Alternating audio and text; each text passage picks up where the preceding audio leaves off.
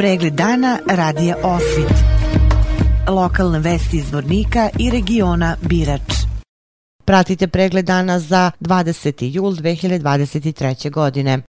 Nevremene praćeno jakom kišom i vetrom koje je sinoć zahvatilo područje Zvornika, najviše problema je donijelo u snadbevanju električnom energijom. Nevreme najviše problema izazvalo na dalekovodima Sapna i Grbavci. Kako su rekli službe terenske jedinice Zvornik, radnici su jutros na terenu i otklanjaju kvarove, a do kraja dana se očekuje normalizacija u snadbevanju električnom energijom. Načelnik službe civilne zaštite Zvornik Rajko Jurošević je izjavio da nisu imali prijava o većim štetama izazvanih nevremenom. Bilo je prijava manjih sporadičnih šteta u domaćinstvima i nema potrebe za formiranje komisije za procenu šteta. U periodu od 17 do 20 časova sinoć je dejstvalo 81 protivgradna stanica i ispaljeno ukupno 217 protivgradnih raketa na teritoriji cele Republike Srpske. Kada je ovaj region u pitanju, zabeležena su dejstva u Srebrenici, sa tri stanice ispaljeno je šest raketa, u Loparama sa dve stanice lansirane su četiri rakete i u Milićima je jedna raketna stanica koja je ispalila jednu raketu.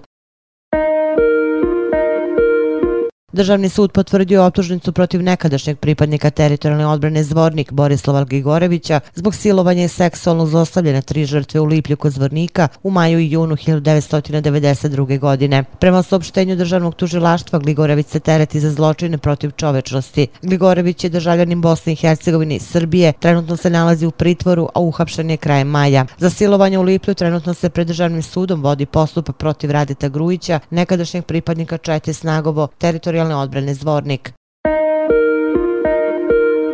Da su najdragocenija prijateljstva stečena u školskim klupama pokazala je generacija rođena 1997. godine koja je pohađala ekonomsku školu u srednjoškolskom centru Petar II. Petrović Njegoš u Šekovićima. Saznavši da je za život njihove školske drugarice Mileve Simetić neophodno prikupiti određena novčana sredstva, njeni školski drugari nisu imali dileme. Potrebno je naći način da se mladoj majici, koje su lekare dali još nekoliko meseci života, pomogne. Nakon humanitarnog bazara u Šekovićima na kome smo uspeli prikupiti dobiti sumu od 6310 konvertibilnih maraka, odlučili smo da istu akciju organizujemo i u Vlasenici. Priča Anđela Trivković, jedna od organizatorki ove akcije i dodaje. E, pa po obzirom da je potrebna velika suma novca za e, milevno liječenje, između ostalog mi kao generacija smo odlučili da napravimo humanitarni bazar u Vlasinci kako bi se odazvalo što više ljudi. A Mileva je 2018. Odselila u Hrvatsku, ali uvijek smo ostali u kontaktu kao generacija i vidjeli smo se. E, Mileva boli od jako teške bolesti. Trenutno treba da skupimo novac za, za inekcije koje bi produžile život. Ona ima problema sa jetrom, sa bubrezima koji luče višak oksidata e, i samim tim uništavaju organizam. Napada jetru, bubrege, nakon toga kosti, zglobove, vid i tako dalje. Mileva od svoje četvrte godine već zna za tu e, bolest, ali je sve bilo u redu. I, e, u srednjoj školi je imala jednu operaciju, operisala je bubrege i mokračne kanale i samim tim je bila dobro, ali kada je nakon trudnoće je saznala da već njen organizam kreće u problem i tako smo se čuli jednostavno kad smo vidjeli tu priču, nismo baš svi znali o čemu je riječ i da je to toliko opasno, ali smo se u nevjerovatno velikom broju odazvali kako mi iz generacije, tako i naši građani, sugrađani i mogu reći ljudi iz cijelog svijeta. Prije svega da kažem da je veliki broj ljudi koji i ne poznaje Milevu učestvovao u ovom bazaru. Pripremali smo uh, neke slatkiše, kuglice, bakine, kolače, neke slaniše, donosili smo igračke, odjeću, sve ono što bi mogli zapravo da, ne da prodamo, nego da pružimo građanima i samim tim da nam doniraju novca onoliko koliko treba. I treba da naglasim da ne postoji cijena ni za, ni za jedan ni slatkiš, ni za što, nego samo da to ljudi daju od srca. Odličan broj ljudi se odazvao, prekupili smo preko 6000 konvertibilnih maraka, tako je bilo i u Vlasinci. Zaista smo oduševljeni i prezadovoljni smo odzivom. Baš smo iznenađeni da i dalje ima dobrih ljudi koji žele da pomognu i ovom prilikom se zahvalila svima i e, ispred generacije, ispred Šekovićana, Mileve i njenih roditelja. Mileva je oduševljena. Zaista ni ona nije očekivala da će ovakav broj da se odazove, ali čule smo se i dobro i raduje se sada samu sebi nekako bodri i daje se sama sebi snagu da prebrodi sve ovo. Prije par dana a, dobili smo informaciju da je Mileva dobila državljanstvo Republike Hrvatske i sad se očekuje termin za transplantaciju jetre i bubrega i nadamo se da će sve biti u redu.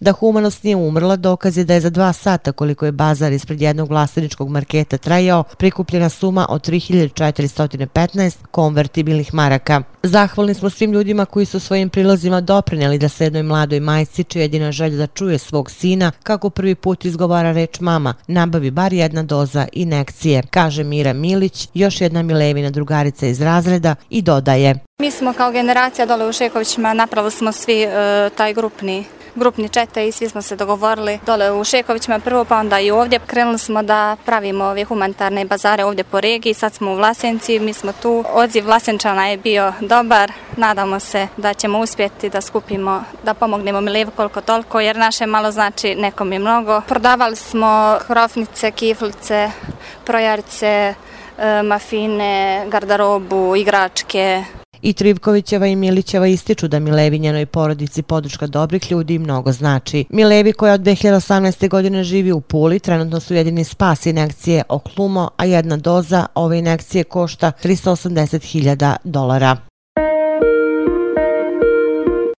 Susreti mladih Republike Srpske ove godine se održavaju u Prijedoru. Organizatori ovih 25. po redu susreta je Omladinski savjet Republike Srpske. Pozivaju se mladi sa regije Birač da se prijave i učestvuju u petodnevnom druženju mladih, koji za cilj ima da okupi perspektivne i ambiciozne mlade ljude iz svih delova Republike Srpske. Kroz sport, radionice, muziku i aktivizam za očekivati je da učesnici nauče više o omladinskom radu i da međusobno upoznavanje mladih doprinese uspostavljanju raznih vidova saradnje. Za 25. susrete mladih Republike Srpske se u Predoru, koji se održavaju od 9. do 13. avgusta, mogu prijaviti svi mladi uzrasta od 15 do 30 godina do 28. jula. Mladi se mogu prijaviti preko linka koji je objavljen u vesti na sajtu Radio Osvit. Udruženje višečlanih porodica sa četvoro i više dece naši anđeli iz Vornika proslavilo je krstu slavu prepodobnog Sistoja Velikog. Lomljenje krstnog hleba je obavljeno u starom hramu u Zvorniku uz prisustvo članova i ostalih vernika. Predsednica udruženja Dragana Ćupović je navela da su slavu obeležili u crkvi i u čestitku članovima navela i da je povodom slave obezbeđen školski pribor za pet porodica. Vesti iz Loznice. Nevreme koje juče uveče oko 7 časova pogodilo Loznički kraj i ostavili za sebe oborena stabla, polomljene grane, oštećene krovove i kvarove na niskonaponskoj mreži. Prema rečima Željka Marjanovića, načelnika Mačvanskog okruga, najgore su prošli Šabac, Bogatić i Loznica. Opširnije na sajtu lozničkenovosti.com. Pregled dana radija Osvit. Lokalne vesti iz Vornika i regiona Birač.